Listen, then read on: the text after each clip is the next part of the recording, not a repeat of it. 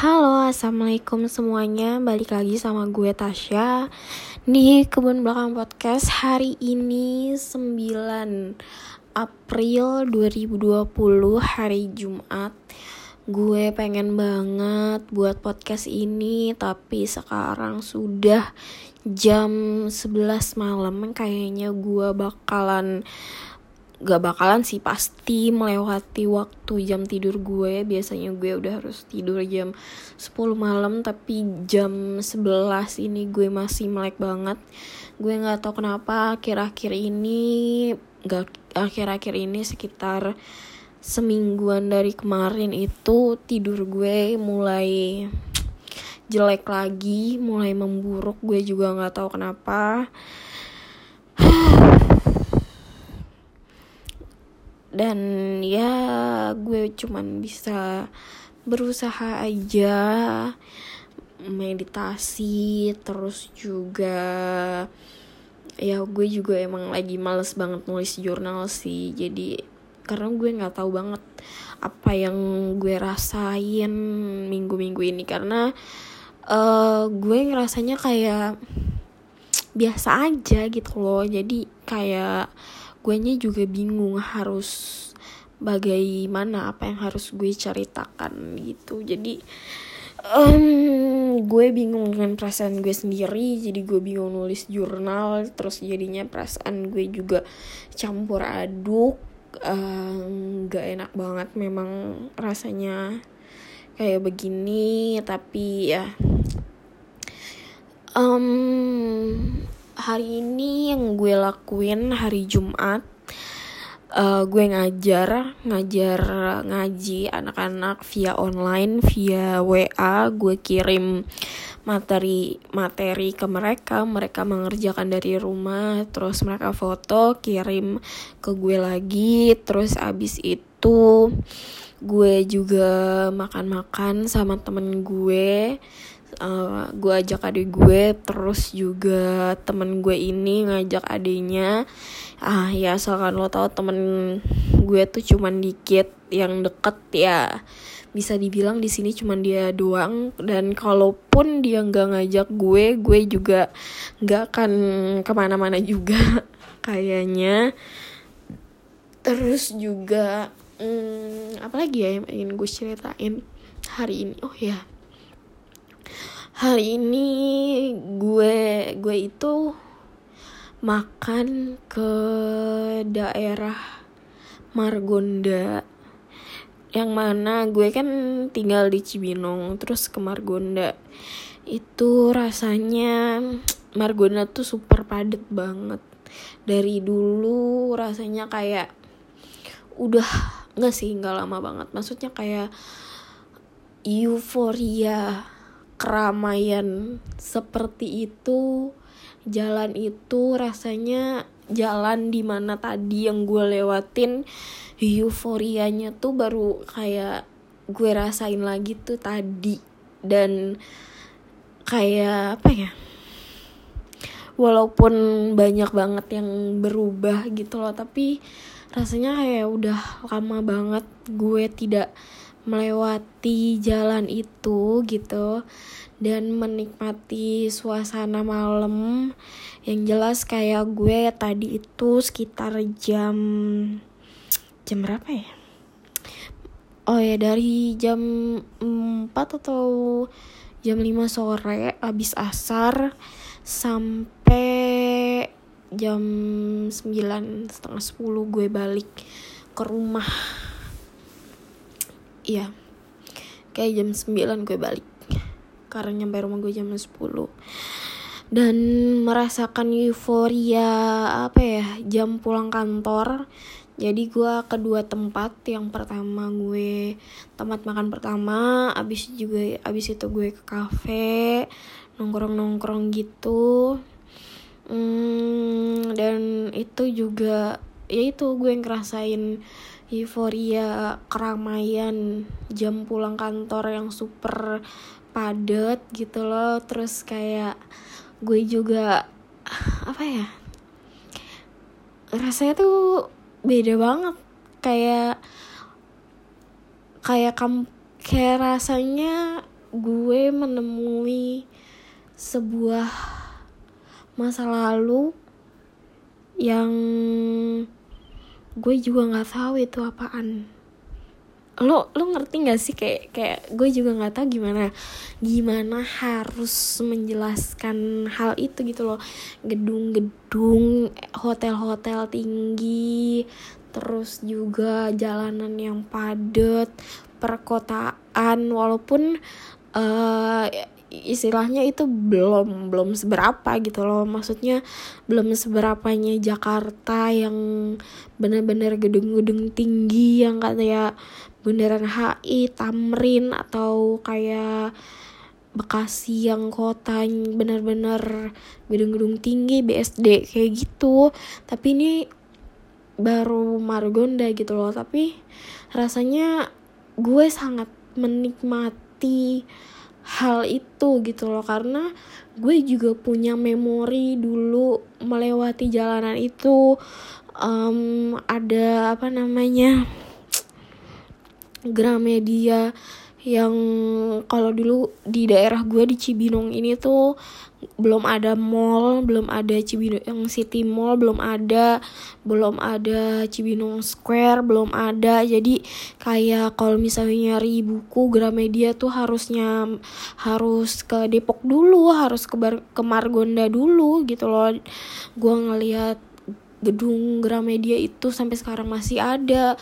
Terus juga ITC Depok yang uh, dulu juga gue sering datengin matahari terus juga um, banyak hal yang berubah tapi juga banyak hal yang membuat gue jadi mengenang masa-masa dulu gue kecil gitu loh. Kayak um, kayak kayak jalan dulu tuh jalan-jalan ke sana tuh rasanya sebahagia itu gitu loh. Padahal kayak cuman sederhana gitu loh. Kayak kayak ya udah kayak cuman naik mobil ke sana atau naik angkot sama bude gue ke sana. Tapi I'm so really really happy gitu loh. Ada perasaan seneng. Gimana ya? Dulu kan masih kecil gitu loh. Dan pada saat tadi pada saat tadi. Gue ke sana tuh gue merasakan euforia itu. Dan kayak nggak tahu ya rasanya tuh kayak mengenang masa lalu yang wah dulu hal ini tuh bisa hal sesederhana ini tuh bisa sebahagia itu tuh loh. Dan dan gue mensyukuri hal tadi itu tuh kayak gue mensyukuri banget sih perasaan um, hembusan angin yang gue rasain tuh rasanya kayak salah satu kenikmatan tersendiri bahwa um, bersyukurnya bersyukur ya gue bahwa temen gue mungkin Allah udah kodar temen gue ini ngajak gue untuk makan di sana. Pada dan awalnya tuh kita mau sebenarnya mau siang untuk berangkatnya untuk makannya. Tapi karena satu lain hal jadinya sore gitu loh. Nyampe akhirnya ya nyampe malam. Dan gue bertemu dengan malam di sana. Angin malam kan cukup kenceng ya sore ke malam tuh anginnya luar agak uh, apa namanya agak lumayan kenceng kayak mendung-mendung gitu emang suasananya tadi pak. Tadi sore sampai ke malam itu anginnya lumayan kenceng dan jadi membuat gue healing juga gitu loh kayak merasakan hal yang berbeda. Gue setiap setiap jalan tuh gue menghembus narik nafas menghembuskan nafas. Ya itu gue selalu menghembuskan narik nafas yang dalam dan hembuskan tuh rasanya kayak gue selalu mengingat masa-masa dulu bahwa ada juga kebahagiaan yang gue rasain gitu loh pada saat itu. Dan itu gue bersyukur banget pada saat itu pada saat tadi gue menemukan eh, masa-masa uh, itu ada di hidup gue gue menyadari adanya masa-masa itu di hidup gue. Dan gue sih berdoa ya semoga um, teman-teman yang mendengar ini atau kalian yang mendengar ini um, jangan apa ya mungkin masa lalu itu tuh menyakitkan banyak banget hal yang menyakitkan dan malas banget untuk diingat tapi masa lalu itu adalah hal yang juga bisa mengobati kita. Memang rasanya tuh kayak susah banget gitu loh ya, seperti yang lo dengar ketika gue um, menjelaskan hal itu, rasanya cukup emosional banget buat gue, emosinya um, benar-benar keluar banget, benar-benar ada gitu loh. Gue cukup terharu ketika gue merasakan masa-masa itu karena gue ketika gue membayangkan sesuatu gue benar-benar merasakan bahwa gue ada di masa itu. Gue mengingat suasana itu. Gue mengingat setiap genggaman tangan. Gue mengingat setiap langkah. Gue mengingat setiap rak buku di Gramedia yang gue lewatin. Itu tuh gue mengingat setiap jalan angkot duduk di angkot yang gue naikin. Itu tuh rasanya tuh kayak wow. Maksudnya di sisi lain gue juga bersyukur banget gitu loh karena um, orang tua gue mereka berjuang demi gue anak anaknya dan juga anak-anak lainnya. Demi anak-anak mereka. Demi anak-anak mereka dari titik yang nggak punya apa-apa istilahnya benar-benar. Sorry banget. Bener-bener dari yang kayak Allah kasih rezeki yang banyak kayak gue kan sempat kerja di Singapura. Eh enggak pertama itu sempat kerja di Indonesia tapi dengan perusahaan luar negeri perusahaan dari Singapura kalau nggak salah atau China gue juga nggak tahu lupa. Terus habis itu perusahaan itu sempat bangkrut yang di Indonesia. Akhirnya ayah gue uh, bekerja di Singapura uh, karena ada temannya juga. Pokoknya ya gue tahu bekerja di Singapura. Setelah bekerja gue lupa deh antara bekerja di Singapura dulu apa dari bis ke Indonesia atau gimana. Pokoknya sampai akhirnya sempat dia ada di titik kayak perusahaan ayah gue itu bangkrut. Terus kayak eh, nggak uh, bangkrut apa ya? Oh di PHK pokoknya pada zaman pada zaman itu tuh kayak PHK besar-besaran. Tapi terus kayak ayah gue di PHK terus dapat apa gaji plus uang pesangon dan uang pesangonnya itu pada saat itu tuh cukup besar. Sampai akhirnya ayah gue memutuskan untuk uh, haji. Untuk memutuskan untuk haji.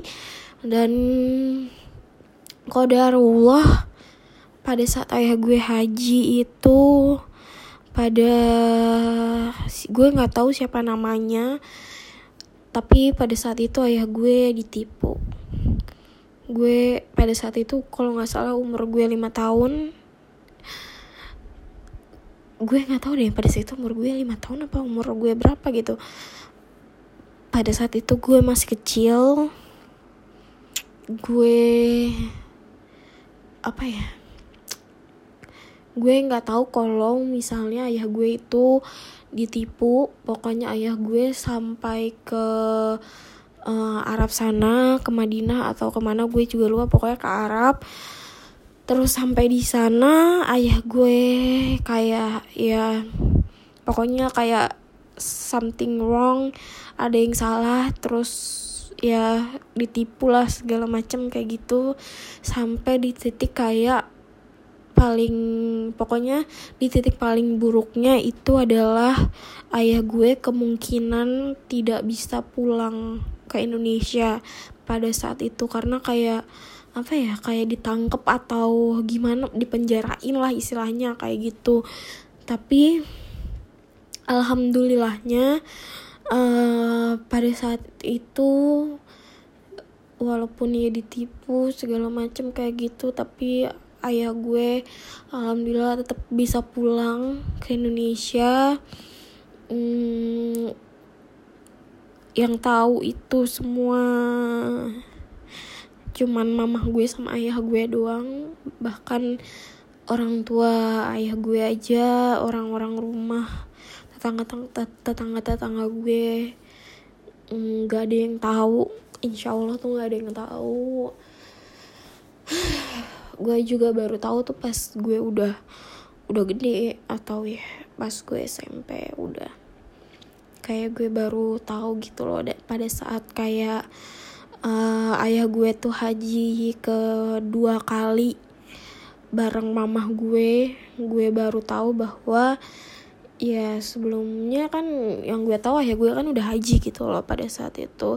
Tapi ternyata pada saat itu ayah gue ditipu dan sempat kena musibah gitu kan tidak bisa kayak sempat nggak bisa pulang ke Indonesia gitu. Ada masalah pokoknya ada something wrong gitu ada masalah sampai nggak bisa balik ke Indonesia. Ya nyampe di titik itu istilahnya itu uang uang apa namanya uang pesangon uang ya uang pasangan dari kerjaan gaji. Sedangkan ayah gue pulang dari haji itu juga udah tidak punya pekerjaan lagi. Kan juga udah bingung gitu loh. Nyampe di titik serendah itu gitu loh nyampe. Hmm, ya gue juga pernah cerita bahwa kayak orang tua gue hmm, istilahnya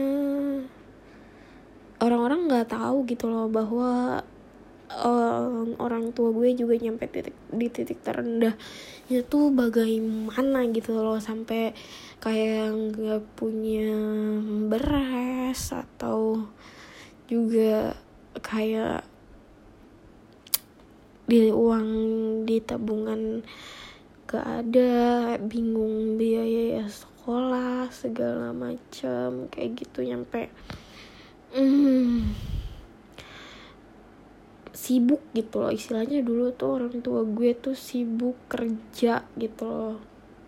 Dulu jujur gue sempet tersinggung dengan ada perkataan saudara gue yang bilang kayak gini um, Mas Agus gitu bilang ke ayah gue kan ayah gue namanya kan Agus kan. Mas Agus emang gak kasihan ya sama anaknya kerja mulu kayak gitu. Anaknya emang gak perlu ya diperhatiin kayak gitu.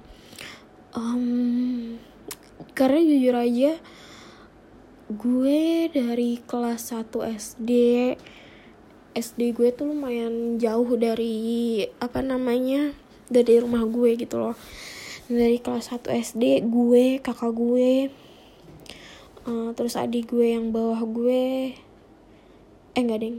Gue sama kakak gue itu kita dari kelas 1 SD sekolah kita tuh jauh dari rumah harus naik ojek dulu. Kalau misalnya uh, apa namanya kalau misalnya berangkat itu tuh nggak pernah sama sekali diantarin sama orang tua gue sama mama gue sama ayah gue. Karena ayah gue kerja mama gue ngurus adik-adik gue. Ya setiap awal masuk yang nganterin ya ya tukang ojek gue gitu loh. Nyampe mereka tuh nganterin inget banget eh, gue inget banget uh, kalau nggak salah itu kelas 2 atau kelas 3 gitu. Uh, setiap orang setiap anak pasti dianterin orang tuanya dan orang tuanya pasti kayak ngetek ngetekin bangku milih milihin uh, bangku buat anak-anaknya. Dan um, gue selalu diantar sama tukang ojek gue itu sampai depan pintu kelas gue aja. Ya, pada saat itu uh, gue inget banget inget banget ada gue tuh udah kayak udah duduk udah masuk ke kelas duduk di bangku. Terus uh, ada anak di kelas gue tuh yang pintar pasti kan kayak orang tua kan pengen anaknya duduk sama uh, orang yang pinter kan biar kayak ketularan rajin lah pinter lah segala macam terus pada saat itu uh, gue duduk di bangku yang agak belakang tapi nggak belakang banget tapi emang agak belakang gitu paling. Di belakang pojok gitu kan deket jendela uh, pokoknya uh, yang cewek yang cewek sama cewek kayak gitu itu tuh yang kosong tinggal bangku sebelah gue aja. Terus sampai di titik ada ibu-ibu yang kayak bilang hmm, saya nggak mau anak saya duduk sama dia. Saya maunya anak saya duduknya sama si ini. Kayak gitu. Gue inget banget perkataan itu gitu loh. Dan pada saat itu gue cuman kayak diem dan gue ngerasa kayak ya gue sesendirian itu gitu. Dan kayak emang nggak ada apa yang mau emang kayak gue tuh kayak pada saat itu gue nggak tahu gue harus gimana gue harus apa kayak gitu dan uh, gue dan ya setelah itu kan mau nggak mau ya anak itu juga harus duduk gitu loh dan jadinya anak itu duduk uh, di sebelah gue gitu loh dan malesnya gue adalah anak ini tuh kayak I don't know entah dia caper atau gimana gue juga bingung.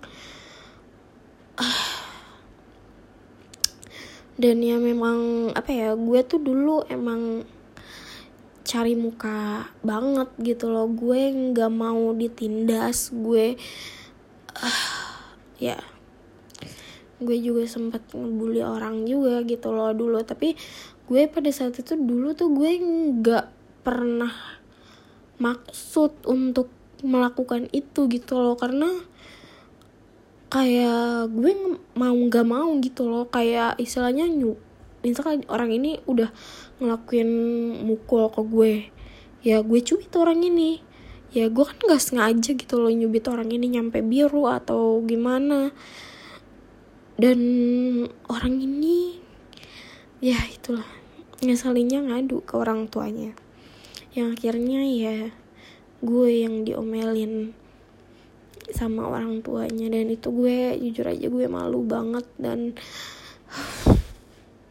detik itu gue kayak ngerasa ya gue kayak udah kehilangan percaya diri banget pada saat itu.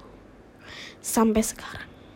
Dan itu terjadi dua kali di kelas pokoknya antara kelas 3 atau kelas 2 sama kelas 6 dan gue sampai sekarang masih ingat. Kalau yang kelas 3 ya itu yang sama yang anak gitu yang sama yang ibu-ibunya bilang gak mau duduk sama gue tapi kan kayak udah gak ada pilihan lagi ya. Bangkunya tinggal sisa gue doang gitu loh. Dan yang pas gue kelas 6 ya adalah orang. Honestly sebenarnya gue belum bisa memaafkan orang itu ya sebenarnya. Tapi mau gimana lagi gitu loh. Gue ya harus memaafkan ya kan? Ya tapi enggak sih gue belum gue jujur gue belum bisa memaafkan sampai sekarang kejadian itu karena gue masih merasa bahwa gue nggak salah karena pada saat itu gue membela diri gue sendiri dan pada saat SD gue memang gak punya temen dekat gitu loh. Maksud gue emang pada saat itu ada kan gue temenan gue kan Tia ada Tia uh, sampai sekarang yang tadi gue makan bareng itu gue makan bareng Tia. Sampai sekarang gue deketnya memang sama dia tapi pada saat dulu pada saat SD uh, eh, gue nggak deket gak sedekat sekarang gitu sama dia. Jadi hmm, gue pada saat itu tidak berteman dengan ya gue berteman dengan banyak orang gitu loh tapi tidak berteman dekat dengan siapa pun gitu sih. Kayaknya gue ceritanya ngalor ngidul banget ya gak sih? Uh, sorry banget kayaknya. Ya itu karena gue ceritanya ngalor ngidul ke sana kemari. Uh, karena no script gue ya seperti yang lo bilang sebelum sebelum podcast beberapa sebelum podcast uh, ini itu ada yang benar-benar gue script ada maksudnya kayak gue tulis detail-detailnya biar gue nggak ngalor ngidul yang ya biar cuma 15 atau ya 15 belasan menit kayak gitu kan. Kalau ini paling 20-an menit gue udah stop gitu kan biar nggak nyampe bener-bener panjang gitu. So ya yeah, thank you. Jazakumullah hero eh jazakumullah hero sudah mau mendengarkan uh, sudah mau jam 12 gue membuat podcast ini so ya yeah, wassalamualaikum warahmatullahi wabarakatuh Semoga hari kalian bahagia. Jangan lupa bersyukur bahwa kalian sudah berjuang menyelesaikan hari ini.